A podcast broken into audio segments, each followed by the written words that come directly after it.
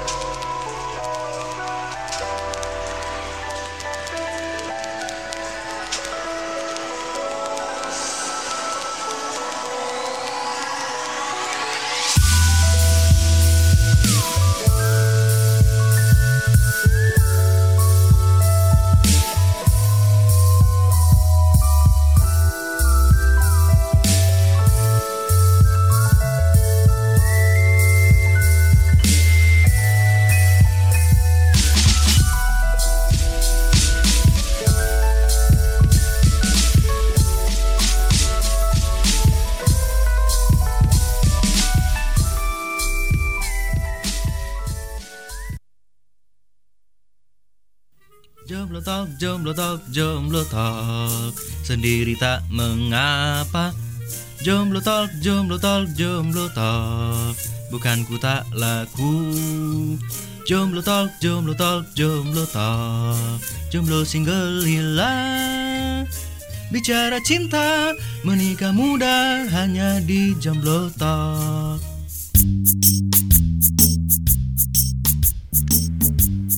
Assalamualaikum warahmatullahi wabarakatuh Kawan gimana kabarnya malam hari ini?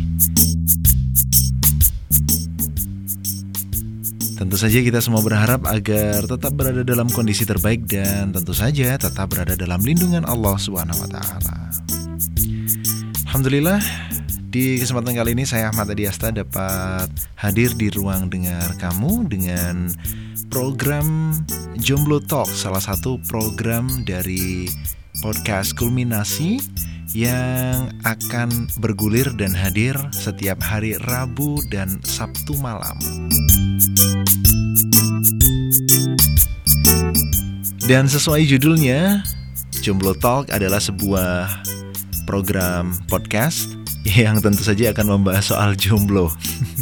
Kita akan bahas soal manusianya, kita akan bahas soal percintaannya, kita akan bahas juga seputar uh, fenomena-fenomena uh, asmara di dunia remaja saat ini dan tidak lupa sebagaimana kalau kata uh, Bang Roshid di jingle Jomblo Talk tadi bicara cinta menikah muda hanya di Jomblo Talk. Tentu saja kita juga nanti akan bicara seputar pernikahan muda juga. Tapi nanti di episode-episode berikutnya, hari ini kita akan membahas sesuatu yang sangat mendasar uh, dalam diri kita. Kita akan bahas seputar siapa sih manusia itu, siapa sih diri kita itu, kenapa kita perlu cinta, kemudian apa itu cinta dan lain sebagainya. Untuk itu jangan ke mana-mana, stay tune di Jomblo Talk hanya di podcast channel titik kulminasi.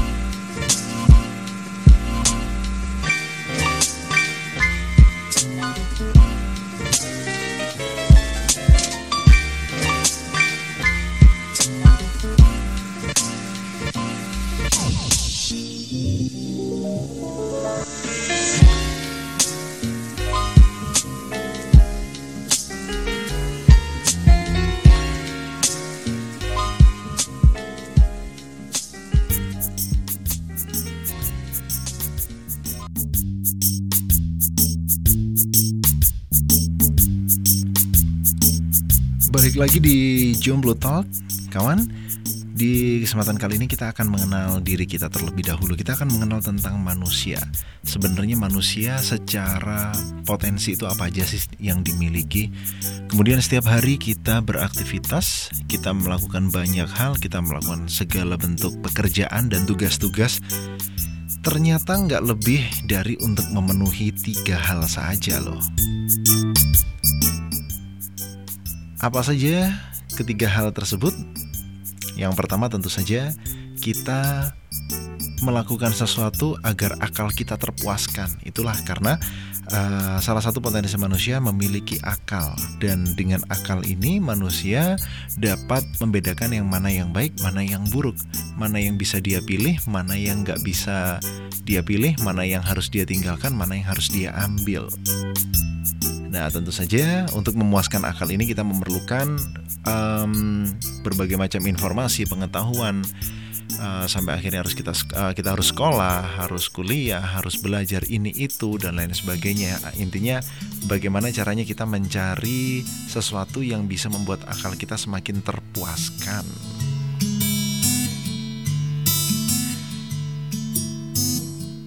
Dan yang kedua, manusia sehari-hari hidup ini adalah untuk memenuhi kebutuhan jasmaninya atau dalam bahasa kerennya disebut dengan hajatul udawiyah. Kebutuhan jasmani ini seputar makan, minum, ya intinya kebutuhan-kebutuhan untuk tubuh kita lah ya. Apa apa aja tuh misalnya makan, minum, um, istirahat, um, melakukan pokoknya semua metabolisme tubuh yang terjadi dalam diri kita itu harus dipenuhi. Ya waktunya lapar ya makan, kemudian kalau haus ya minum, kalau memang udah lelah ya istirahat, kalau sakit diobati. Tapi nggak tahu kalau sakit yang nggak berdarah ya. yang nggak tahu sih kata anak uh, milenial, anak zaman now itu ada katanya sakit tapi nggak berdarah.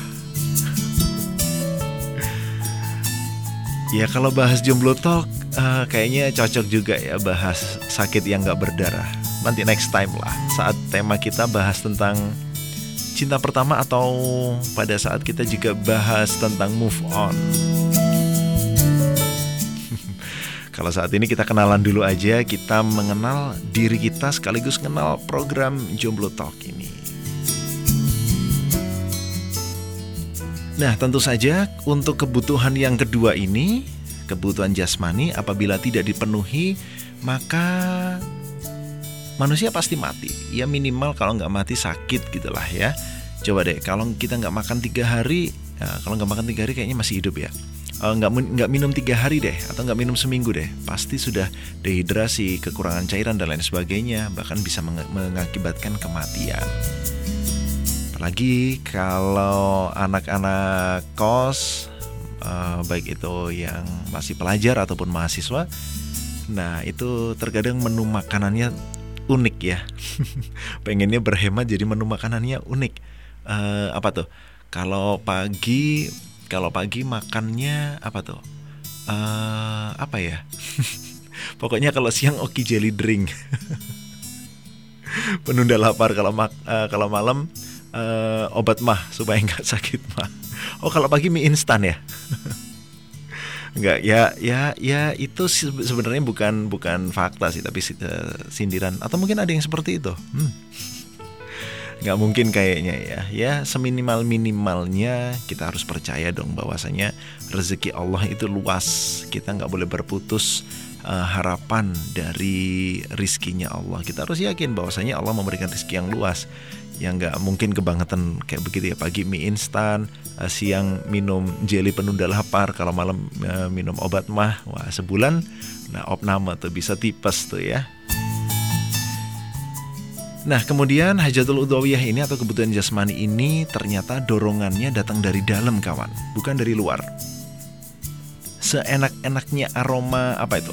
Roti moka yang ada di pusat-pusat perbelanjaan tuh ya, ada di mall uh, berbagai macam merek, senikmat-nikmatnya aromanya, tapi kalau perut kita ternyata udah kenyang ya udah kita nggak akan kepingin makan gitu. Atau mungkin uh, saat ini tersaji sepiring makanan favorit kita di depan kita, kemudian kita udah habisin satu piring itu, kemudian datang lagi piring yang kedua. Oke lah, buat yang kebutuhan makanannya ekstra, metabolismenya sangat cepat, mungkin bisa melahap um, porsi kedua.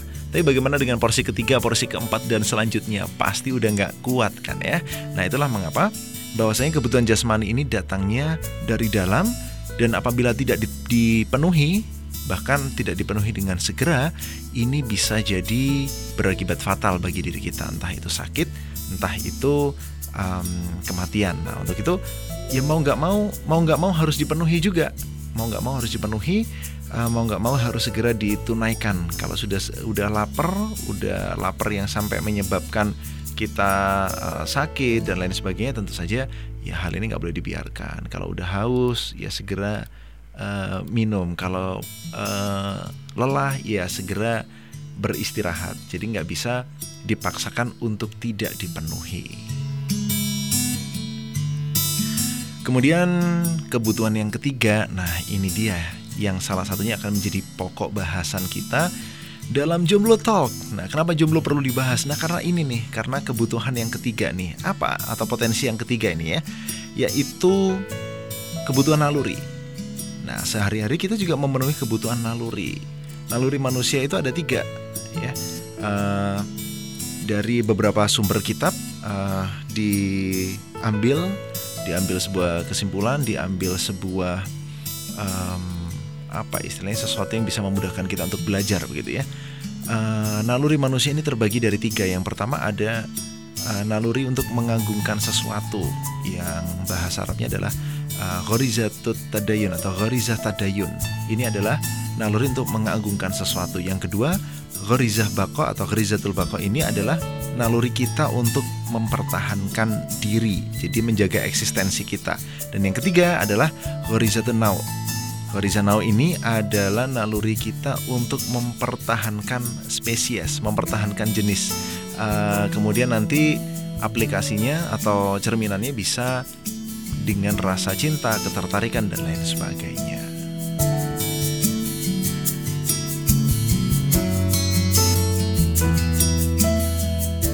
Nah, seperti apa pembahasan satu persatu kebutuhan naluri manusia ini? Nah, jangan ke mana-mana Sesaat lagi saya akan kembali tetap di Jomblo Talk di podcast channel Kulminasi.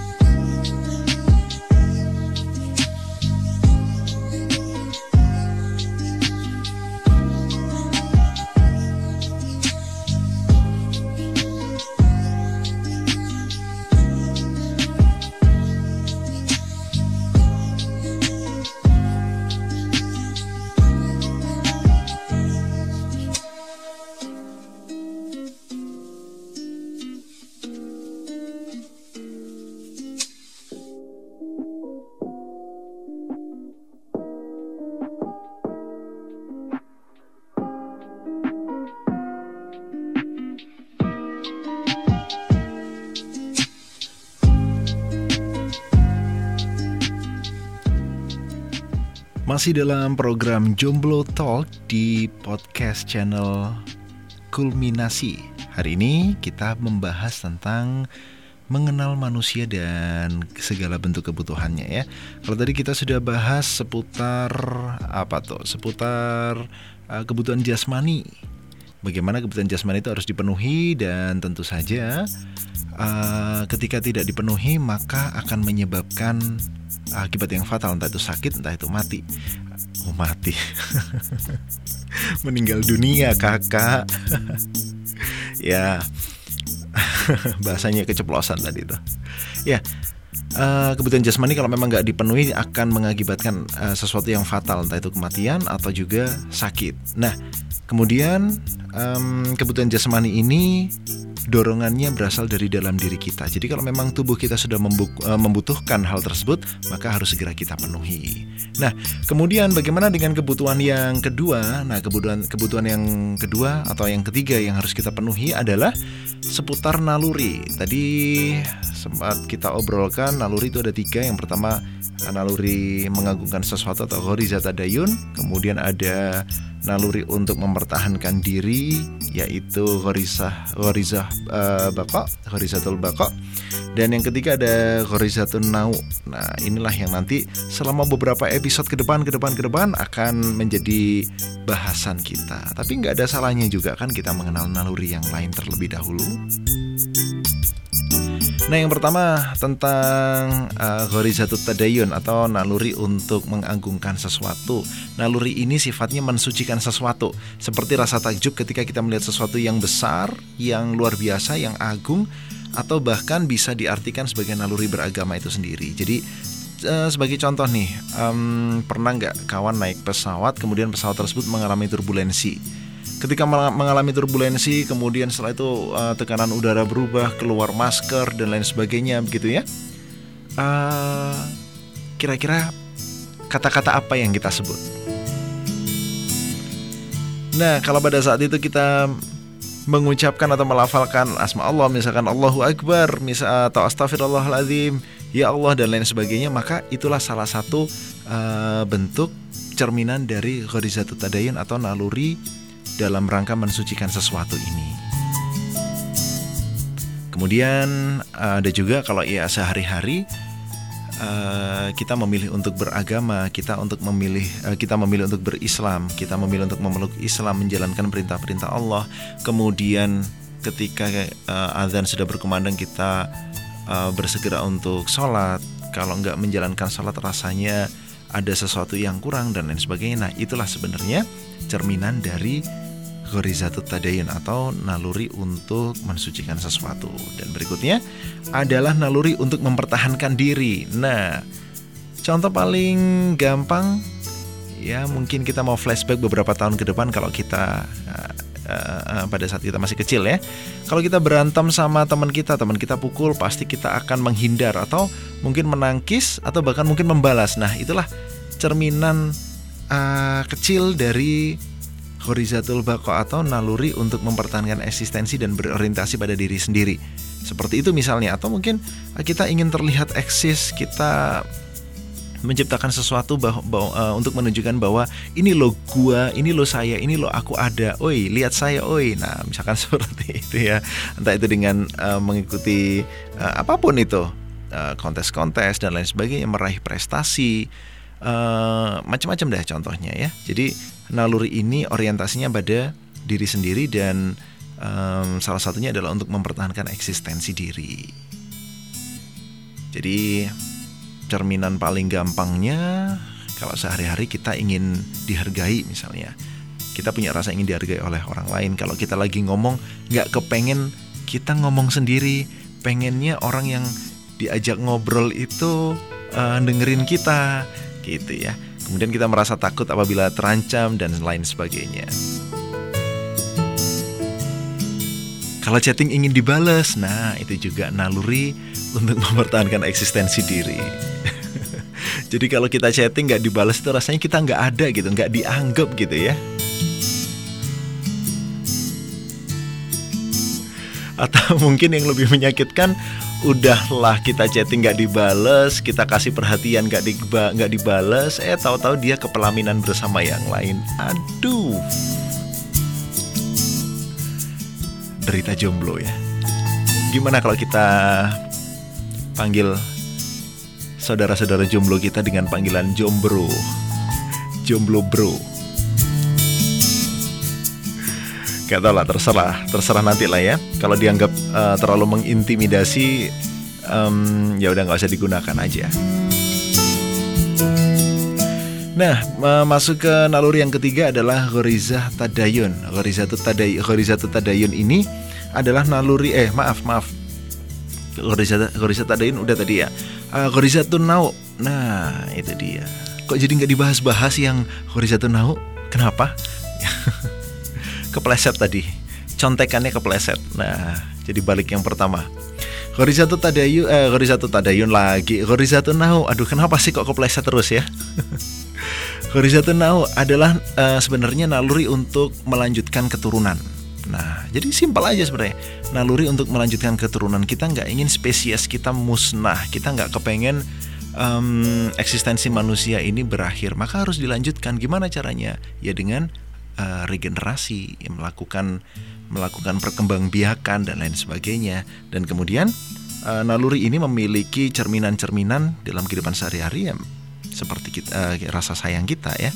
Entah itu kepada siapa pun, kepada orang tua, kepada anak kecil, kepada binatang peliharaan atau bahkan saudara dan tentu saja lawan jenis.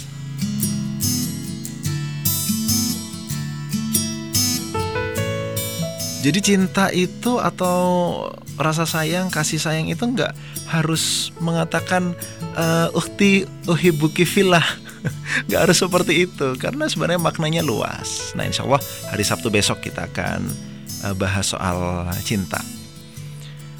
Uh, kita juga bisa mengatakan akhi uh, uhibu kafilah uh, kepada teman-teman kita, teman-teman yang menemani kita berhijrah, kita bisa mengatakan uhibukum filah. Boleh-boleh saja, nggak ada nggak ada salahnya ya.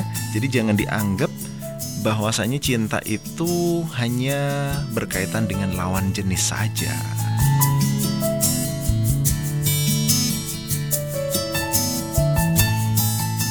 Tapi nggak tahu ya kalau mengikhlaskan dia berbahagia bersama yang lain itu apakah masuk uh, kategori yang ini? Bisa jadi ya. Karena kita ingin melihat orang lain bahagia. Nah, itu ngelesnya para jomblo.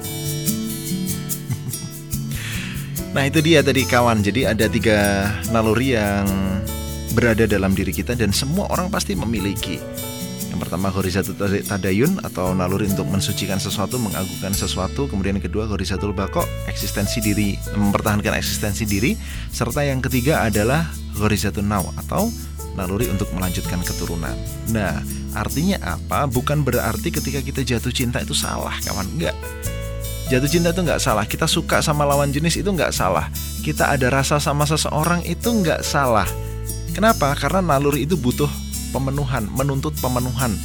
Sama seperti kebutuhan jasmani, hanya saja bedanya kalau naluri ini nggak dipenuhi, nggak akan menyebabkan kematian, gitu aja. Nggak akan menyebabkan kematian, nggak akan menyebabkan sakit, ya. Sampai kita opname dan lain sebagainya nggak nggak nggak bakal terjadi seperti itu. Tapi nggak tahu kalau sakit tapi nggak berdarah ya.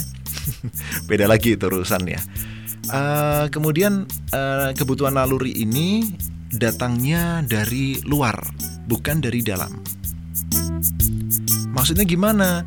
Ya selapar-laparnya kita tapi kalau memang kemudian kita uh, kepengen sholat atau sudah masuk waktunya sholat dan uh, ketika kita tidak melakukan sholat itu kita merasa gelisah ya pasti akan sholat juga.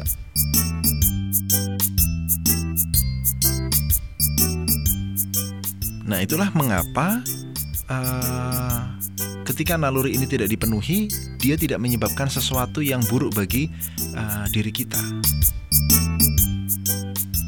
kecuali merasa gelisah, merasa nggak tenang, merasa berbuat salah dan lain sebagainya. Hanya itu aja resikonya. Ya tapi jelas uh, kegelisahan tersebut nggak boleh dibiarkan berlarut-larut. Jadi ya jomblo jangan lama-lama juga gitu.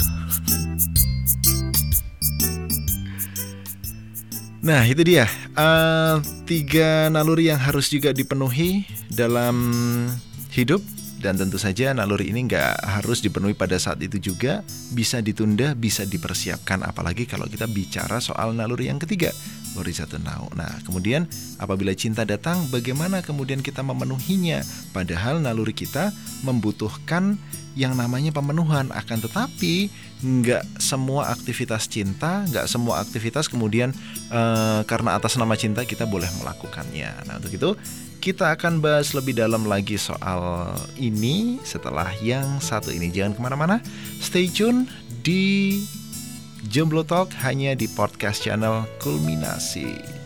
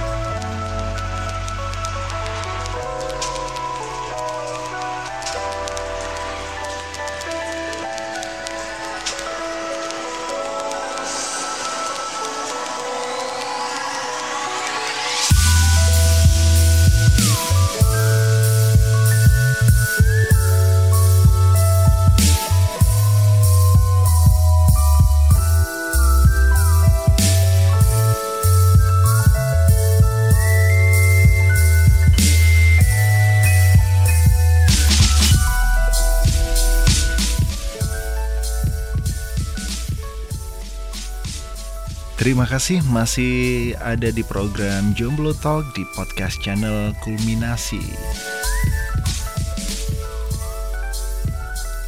Nah, kawan, kita akan melanjutkan obrolan kita uh, seputar cinta ya. Tadi kita udah membahas tentang atau sudah berkenalan dengan diri kita bahwa cinta atau rasa sayang adalah naluri adalah, adalah salah satu naluri yang harus dipenuhi ya kan tetapi kalau cinta itu datang nggak berarti semua hal bisa dilakukan atas nama cinta.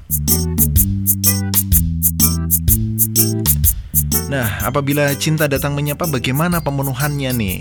Nah contoh saja lah ibaratnya ada seorang laki-laki dan wanita kemudian um, memiliki rasa yang sama gitu ya. Kayak ada sesuatu yang membuat bulu kuduk berdiri kemudian jantung deg-degan kemudian tiba-tiba lampunya mati uh, kemudian tiba-tiba ada uh, wajah yang mengerikan. Oh, itu horor ya enggak. Uh, tiba-tiba setelah deg-degan ada rasa kemudian ketika makan di piring itu bisa muncul wajah dia kemudian pada saat mau tidur mimpinya tentang dia mau ngapa-ngapain mimpinya tentang dia begitu ya. Ya jangan sampai kalau ke toilet mimpinya tentang dia. Nah ketika rasa itu ada apalagi kalau kalau cinta itu berbalas begitu ya. Ya tentu saja harus disikapi dengan baik. Nah, kalau anak zaman sekarang itu apa sih uh, aktivitas uh, kalau kalau mereka udah udah udah merasa sal, merasa cinta, merasa suka sama seseorang itu biasanya PDKT ya. Kalau zaman saya dulu era 90-an itu PDKT-nya selalu pakai buku. Jadi pinjem buku, pinjam tugas, pinjam catatan sekolah dan lain sebagainya. Tapi kalau anak sekarang kayaknya enggak ya, e, tukeran nomor WA, DM di sosmednya, stalking dan lain sebagainya gitu ya. Yang kemudian ternyata aktivitas tersebut akan uh, berjalan aktivitas tersebut akan uh, semakin meningkat intensitas intensitasnya kemudian frekuensinya juga yang akhirnya hubungan yang awalnya jauh kemudian PDKT PDKT ya PDKT itu kan pendekatan belum dekat. Akhirnya bisa dekat yang awalnya dekatnya nggak berani deket-deket banget akhirnya berani deket-deket banget yang awalnya nggak berani gandengan tangan akhirnya jadi berani gandengan tangan yang awalnya jalannya jauh-jauhan jadi mepet-mepetan dan lain sebagainya.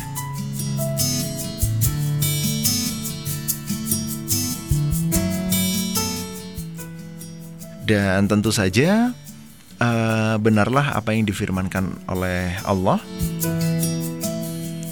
Allah berfirman, "Wala taqrabu zina innahu kana fahisyata wa sabila." Janganlah kalian mendekati zina, sesungguhnya zina adalah perbuatan yang keji dan seburuk-buruknya jalan. Jadi memang Allah Subhanahu wa taala melarang kita bukan langsung melarang zinanya tapi mendekatinya aja udah nggak boleh. Kenapa dimas uh, disebut mendekati zina? Kan pacaran nggak ngapa-ngapain. Pacaran kan apa hubungannya dengan zina? Ya, oke okay, memang zina itu memang zina itu bukan uh, sorry nggak semua pacaran itu berujung pada perzinahan akan tetapi setiap aktivitas zina itu kok sepertinya uh, dicurigai besar diduga kuat gitu diawali dari proses-proses yang ada dalam pacaran itu. Dari berdua-duaan kemudian gandengan tangan uh, kalau pergi berdua uh, kencan berdua nggak mungkin kan kencan rame-rame satu gedung begitu? Itu namanya meeting bukan kencan. Nah, kemudian setelah itu siapa yang uh, bisa menjamin bahwa aktivitas berdua-duaan itu tidak semakin intim? Intensitasnya semakin tinggi, semakin intim, semakin berani begini, semakin berani begitu. Yang awalnya biasanya uh, kalau pulang biasa-biasa aja, kemudian berani uh, pakai cium-cium tangan segala, padahal belum uh, halal begitu ya, masih pacaran, apalagi cinta-cinta monyet begitu. Uh, berani cipika-cipiki dan lain-lain sebagainya. Nah, siapa yang menjamin kemudian aktivitas ini tidak berujung pada persinahan?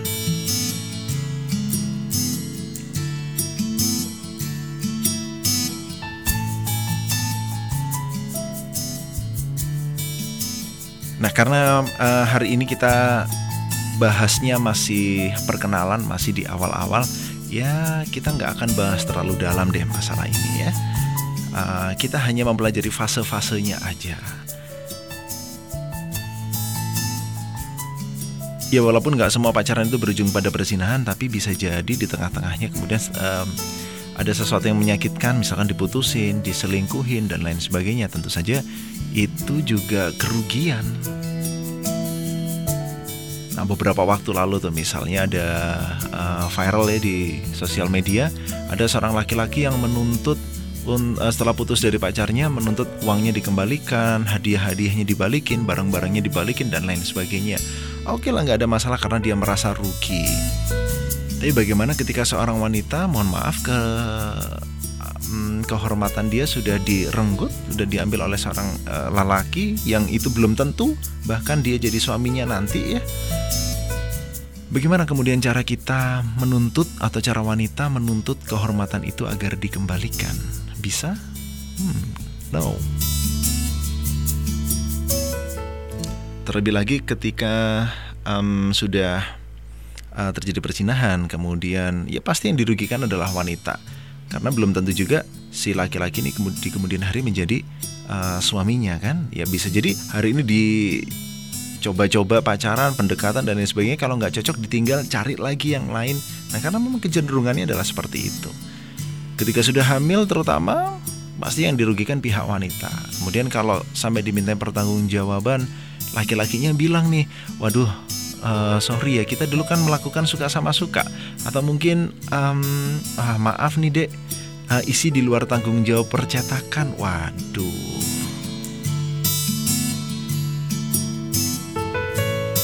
Atau mungkin nah siapa tahu kamu melakukan sama yang lain kemudian ngaku-ngakunya sama aku. Kan kan aku nggak ngerti kamu melakukan sama yang lain atau enggak nah itu fenomena-fenomena seputar uh, percintaan yang memang tidak dihalalkan oleh Allah sesuatu yang tidak diridhoi oleh Allah. Dan ternyata kawan, resiko terbesar dari hubungan di luar nikah yang diawali dari pacaran dan lain sebagainya itu bukan bukan hanya sekedar kehamilan di luar nikah aja. Tapi bagaimana apabila penyakit menular seksual itu kemudian ter, uh, menjangkiti pasangan tersebut, atau mungkin HIV, atau bahkan sudah uh, sudah sudah sudah beranjak kepada uh, AIDS, itulah yang lebih buruk. Karena penyakit itu selain bisa menular kepada sesama pasangan yang melakukan persinahan, kalau putus Anda bisa bayang bayangkan, kau bisa bayangin uh, kalau mereka udah putus kemudian pacaran dengan orang yang lain kemudian melakukan hal yang serupa apa yang terjadi? Kemudian kalau uh, si wanita sudah hamil misalnya bukan tidak mungkin janin yang ada dalam kandungannya juga terpapar atau terjangkit virus tersebut ya memang sih ketika orang yang lagi pacaran itu selalu mengatakan atau mencari pembenaran berdalih ah aku kan cuman begini, aku cuma begitu, aku nggak ngapa-ngapain kok. Kita cuman uh, jalan aja, kita cuman chattingan aja, kita cuma cuma makan berdua, kita cuma nonton berdua, nggak ngapa-ngapain, nggak ada nggak ada sesuatu yang uh, perlu ditakutkan kok. Nah, ketika sesuatu yang ditakutkan itu kemudian terjadi, nah ingat bahwa semuanya diawali dari kata cuma.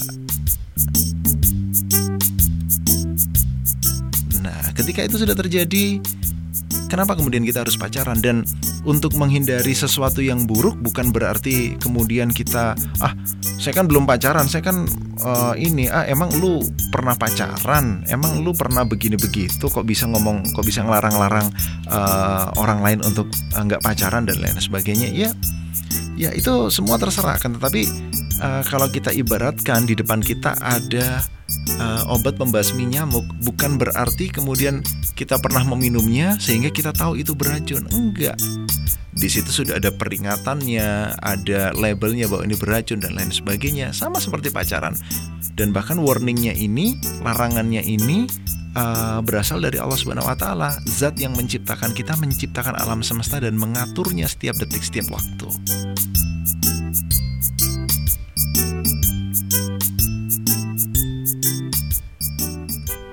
Nah, setelah ini kita akan kupas alasan-alasan mengapa orang pacaran.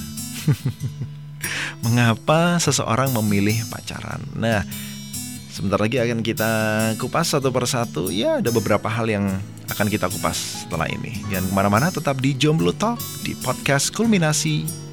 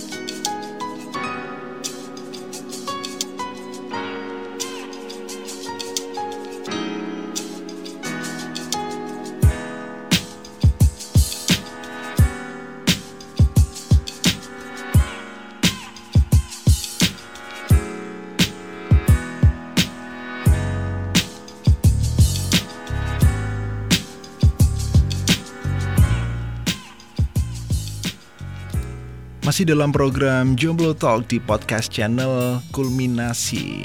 Nah, itu dia. Kayaknya tadi agak ngegas dikit ya. Iya sih emang. Kalau orang bermaksiat itu harus digas-gasin gitu. Nggak bisa diselo-seloin.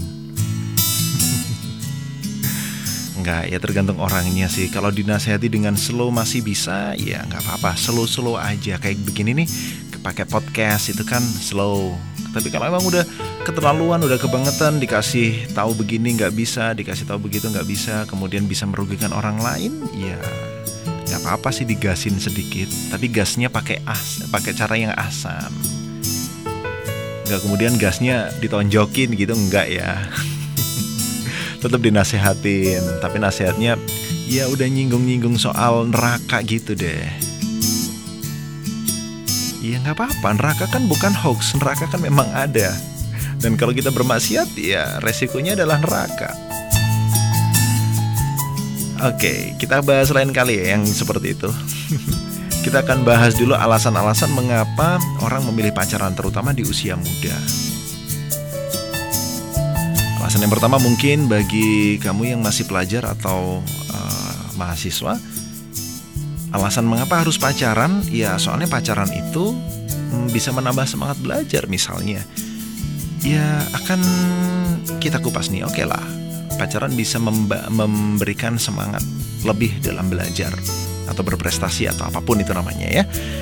Nah kawan, pacaran itu ibaratnya candu. Pada awalnya mungkin bisa memotivasi karena uh, kita ingin menunjukkan sebenarnya uh, kita bisa begini loh, kita bisa jadi yang terbaik loh di depan doi.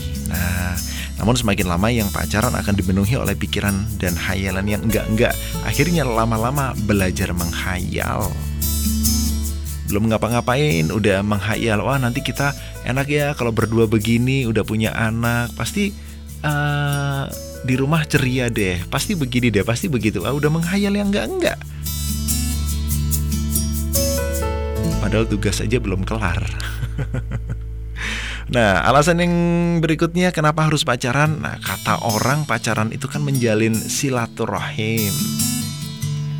Nah, silaturahmi atau silaturahim ini berasal dari kata silah yang artinya hubungan dan rahim. Rahim itu artinya eh, rahimnya ibunda kita. Jadi menjalin silaturahim itu harusnya menyambung hubungan antar kerabat dekat yang terhubungkan dengan rahim atau mahram kita, bukan muhrim ya kalau muhrim itu orang yang mengenakan busana ihram. Kalau lagi umroh atau haji itu namanya muhrim. Tapi kalau uh, kakak, adik, uh, saudara-saudara yang sekandung itu namanya mahram atau ya orang-orang yang masih ada hubungan darah itu namanya mahram. Nah, maka kalau sekarang kamu belum siap menikah, masih belum bisa menjalin hubungan yang serius, kalau pengen menjalin silaturahim, ya datang aja ke keluarga kita. Itu insya Allah lebih utama. Nah makanya pacaran itu apa sih ya? Pacaran itu sebenarnya hubungannya miskin komitmen dan miskin tanggung jawab. Hari ini jadian, kita nggak tahu apa yang dilakukan oleh orang atau pasangan kita, pasangan pacaran maksudnya ya, di belakang kita. Bisa jadi dia chattingan sama yang lain, dia ngomongnya, aku begini, uh, aku chattingan sama cewek cuma sama kamu loh, Allah. Kamu tahu gombal? gombal yang udah dibuat ngepel bertahan sebulan gak dicuci, baunya minta ampun. Nah itu dia. Kok bisa gitu? Iya. Nah emang setelah kamu jadian, baru hari ini jadian kamu berani gitu buka-buka handphone pacar kamu? Belum lagi kalau dia punya parallel space. parallel space, aplikasi di handphone yang bisa menggandakan akun dengan uh, akun yang lain. Jadi bisa jadi kalau lagi WhatsAppan sama kamu, dia pakai WhatsApp yang normal, WhatsApp yang asli. Tapi ketika dia WhatsAppan sama perempuan lain, dia pakai parallel space. Atau dia install juga WhatsApp bisnis. WhatsApp bisnisnya kemudian di parallel space kan juga. Akhirnya dia punya empat akun WhatsApp. Yang satu sama kamu, yang tiga nggak tahu deh sama siapa. Nah, itulah Orang yang pacaran miskin komitmen, miskin tanggung jawab. Kita nggak punya jaminan apa pun bahwa dia tidak melakukan sesuatu yang kita tidak suka di belakang kita. Lebih dari itu, hari ini pacaran, besok bisa diputusin. Apalagi diputusin ditinggalin pas lagi sayang-sayangnya. Uh. Oke, alasan berikutnya kata orang, ah pacaran kan eh, aku nggak ngapa-ngapain. Hello, kalau nggak ngapa-ngapain ngapain pacaran, udah ya. itu alasan yang nggak masuk akal. Nah, pacaran kan gimana kalau pacaran itu tanda cinta? Nah, ini dia nih. Udah pacaran pakai dalil pula. Allah kan memerintahkan kita untuk saling mencintai. Banyak loh ayat-ayatnya yang memerintahkan kita untuk saling mencinta. Waduh, waduh. Benar, tapi Allah juga mengatur cara bagaimana kita mencerminkan atau menunjukkan rasa cinta itu sendiri, bukan karena alasan cinta, sayang, ya kemudian uh, perasaan ini kan tadi di awal dibahas bahwa ini karunia dari Allah. Naluri itu kan uh, karunia dari Allah. Kemudian dengan alasan itu kita justru bermaksiat kepada Allah. Ya nggak gitu juga keles atau pacaran kan bisa bikin dia bahagia. Nah bahagia gimana? Ujung-ujungnya menderita kok ya kan? Pacaran tuh ujung-ujungnya menderita. Gitu kalau nggak diselingkuhin ya diputusin. Itu yang pasti. Kalau di, bisa dinikahin ya syukur-syukur deh, tapi apa jaminannya? Apalagi setelah diputusin dia menikah dengan yang lain. Aduh. Lalu bagaimana per, uh, pacaran itu bisa disebut bahagia? Ujung-ujungnya kan menderita. Ingat, yang namanya maksiat. Oh, sorry, kita udah sepakat kan kalau pacaran itu maksiat ya kan berdua-duaan, kemudian menyentuh uh, wanita yang bukan mahramnya dan lain sebagainya, kita sudah paham bahwa itu adalah suatu uh, kemaksiatan. Nah, kita perlu ingat kawan bahwasanya kemaksiatan itu dosa dan dosa itu ujung-ujungnya neraka. Kemudian kita bilang pacaran itu mau membawa kebahagiaan, pacaran mau membuat pasangan kita bahagia. Hello, udah sarapan? Udah minum air mineral yang kemasannya warna biru? aduh, aduh. Pacaran kan penjajakan pranikah bang Ya nikahnya belum pasti kapan Udah penjajakan Yang ada mas uh, yang ada yang ada di dalam pacaran lah malah ketika alasan penjajakan itu digunakan untuk mencoba-coba kemudian bosan lalu cari lagi yang lain. Nah, ingat tuh laki-laki ya, kalau kamu punya ibu, kamu punya saudara perempuan, ingat mereka adalah wanita. Dan tentu saja kamu gak akan rela kalau mereka dicoba-coba oleh oleh laki-laki yang tidak halal bagi mereka. Nah, pacaran kan karena aku sayang sama dia. Nah, bohong itu. Gimana mu gimana gimana bisa sayang? Gimana mungkin bisa sayang kalau nggak peduli dengan orang yang disayangi? Ingat, pacaran itu kan aktivitas maksiat, maka Maksiat yang mengundang petaka itu bukan petaka di dunia aja, tapi juga malah petaka di akhirat kelak. Ingat ya, buat para cowok nih, buat laki-laki, Anda yang masih berpacaran, Anda miskin komitmen dan tanggung jawab.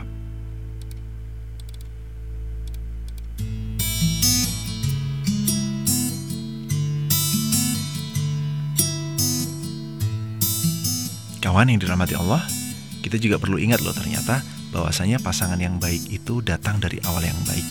Hubungan yang baik datang dari awal yang baik. Kita kepengen hubungan itu diridhoi oleh Allah, maka awalilah hubungan tersebut dengan cara-cara yang juga diridhoi oleh Allah. Gak akan pernah bertemu laki-laki atau perempuan yang baik agamanya dengan jalan bernama pacaran atau apa pun itu namanya yang aktivitasnya mirip dengan aktivitas pacaran. Karena apa? calon pendamping yang soleh atau pendamping yang soleh di kemudian hari ini nggak akan pernah didapatkan dari proses yang menyalahi aturan-aturan Allah. Karena apa? Karena kesolehan seseorang dengan kebatilan, dengan kemaksiatan itu jelas bertentangan. Hak dan yang batil nggak akan pernah bertemu. Nah maka bagaimana mungkin seorang lelaki jomblo yang sudah memahami bahwa pacaran adalah aktivitas atau perbuatan yang dilarang oleh Allah memaksa seorang wanita untuk berbagi dosa dengannya dan melawan Allah. Nah, kalau sebelum menikah aja dia berani bermaksiat dan mengajakin uh, yang perempuan nih untuk uh, bermaksiat kepada Allah, bagaimana mungkin setelah menikah nanti dia bisa membimbing kamu jadi pasangan yang baik? Nah, maka kawan, Islam nggak pernah bertentangan dengan fitrah manusia. Allah itu menciptakan cinta. Bahkan Rasulullah dan para sahabat juga dulu melakukan aktivitas yang uh, bertemakan cinta begitu. Tapi bukan berarti kemudian sekarang kita juga mencintai seseorang, kita sayang sama orang, kita menabrak atau menerobos jalur yang sudah diatur oleh Allah dan Rasulnya. Dan juga perlu kita ingat bahwasanya Allah Subhanahu wa taala yang menciptakan manusia dan Allah juga menurunkan Islam. Untuk itu, Islam adalah aturan yang paling pas buat kita buat manusia. Kenapa? Karena Islam itu memanusiakan manusia, memanusiakan cinta. Islam nggak pernah loh mengharamkan cinta ya, melainkan mengarahkan cinta agar ia berjalan di koridor yang semestinya. Begitu kawan.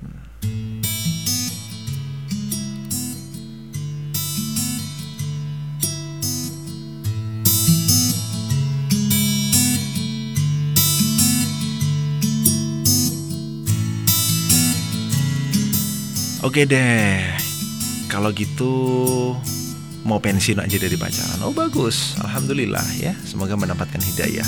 Tapi gimana kalau pacaran Islami? Hmm, hmm apalagi ini? ya pacaran Islami gitu kak. E, misalnya e, kalau kita mau pacaran kita awali dengan Bismillah dan bacaan umul kitab barokatil fatihah begitu. Aduh.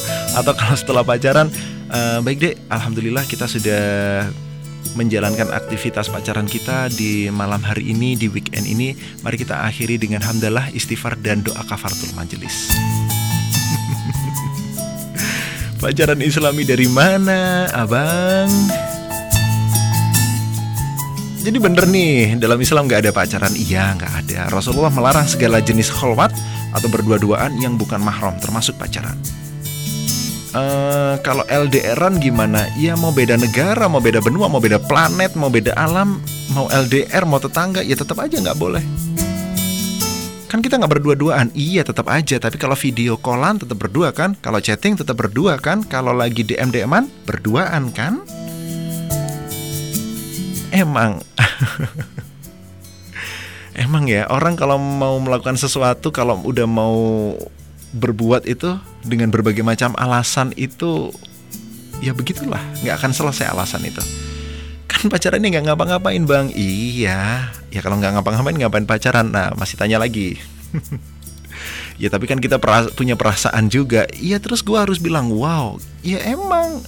Kita punya rasa punya hati bukan seperti pisau belati itu. Udah dibahas di teasernya uh, Jomblo Talk beberapa hari yang lalu. Artinya apa, kawan? Bukan berarti kemudian kita punya perasaan, kemudian kita boleh melanggar peraturan Allah. Nggak bisa. Kalau pacarannya bikin positif gimana bang? Positif hamil maksudnya. Hello, maksud lo? Ya nggak begitu, maksudnya bikin jadi kita rajin sholat, rajin ibadah gitu. Hmm, ingat sholat dan ibadah kamu buat Allah atau atau buat pacar. Nah, kalau masih bingung, ayo sama-sama kita belajar bab ihsanul amal ada tuh di surat Al-Mulk tuh ayat 1 dan 2. Nah, bukan gitu sih. Bukannya gara-gara kita pacaran kemudian bisa saling mengingatkan, jadi beramar ma'ruf nahi mungkar gitu ya. Hmm. Gak ada lah yang kayak begitulah. Masa mau amar ma'ruf nahi mungkar tapi bermaksiat? Kalau orang tuanya bang misalnya udah ngerestuin kita pacaran, iya mau mau presiden kek, mau uh, sekjen PBB kek, mau siapa, mau raja dari uh, mana pun yang merestui ya terserah aja. Tetap aja pacaran itu maksiat. Oke? Okay? katanya ridho Allah bersama ridho orang tua bang. Kalau orang tua yang udah meridho kita pacaran ya. Ingat ya nggak ada ketaatan dalam kemaksiatan. Ketaatan itu hanya dalam kebaikan dan ketaatan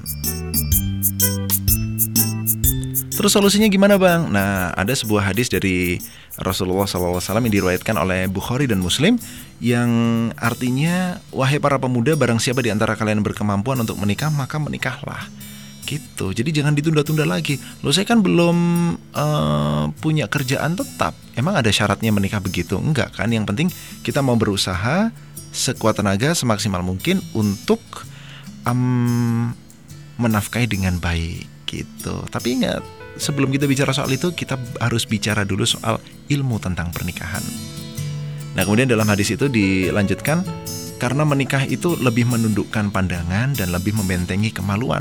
Dan barang siapa yang belum mampu, nah kalau belum mampu nih, hendaklah dia saum atau berpuasa karena puasa itu dapat membentengi dirinya.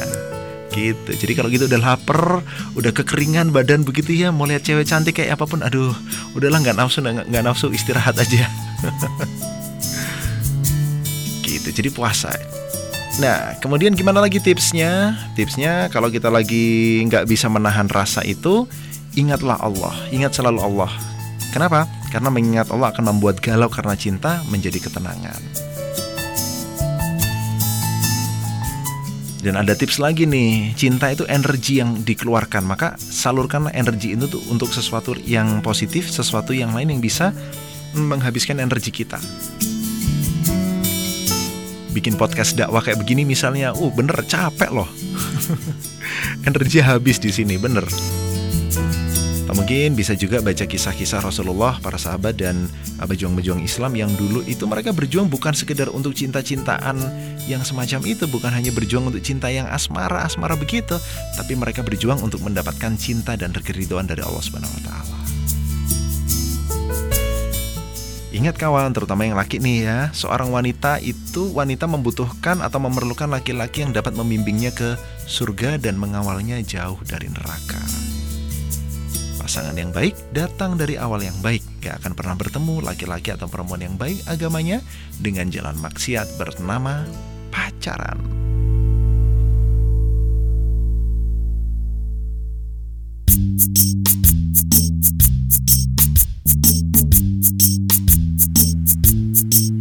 Nah, baik kawan, mau jomblo ataupun pacaran ternyata itu adalah keputusan kita, ya.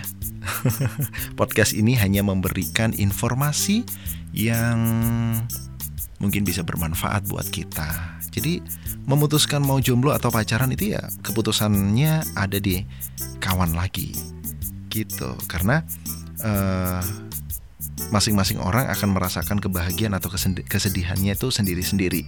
Bahagia dan sedih bukan hanya di dunia, perlu kita ingat juga. Tetapi bahagia dan kesedihan itu juga nanti akan uh, ada di akhirat, berlaku di akhirat. Dan itu semua adalah pilihan. Life is choice. Gitu. Maka meskipun Allah ingin kita bahagia di dunia dan di akhirat, bisa saja kita memilih hanya ingin bahagia di dunia. Nah, bener gitu? Ya pasti kita pengennya bahagia di dunia dan di akhirat kan? Nah kemudian setelah kita memutuskan untuk nggak pacaran, uh, what's next gitu? Apa selanjutnya? Nah, selanjutnya sabar dulu kita akan ketemu lagi di episode berikutnya tetap di Jomblo Talk di podcast kesayangan kamu di titik kulminasi. Kamu bisa temukan channel kami di Spotify uh, dengan keyword uh, kulminasi project atau bisa follow Instagram kami di @kulminasi_podcast.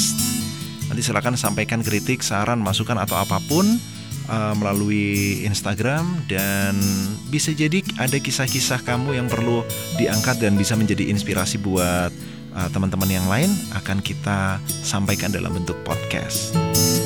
Dan akhirnya saya Ahmad Edi Astam harus mengakhiri pertemuan kita di episode pertama Jomblo Talk di malam hari ini. Dan saya ucapkan terima kasih serta mohon maaf apabila ada kurangnya. Kalau ada kelebihannya boleh juga kok kalau mau dikembalikan. Idina siratal mustaqim wa minkum. Assalamualaikum warahmatullahi wabarakatuh.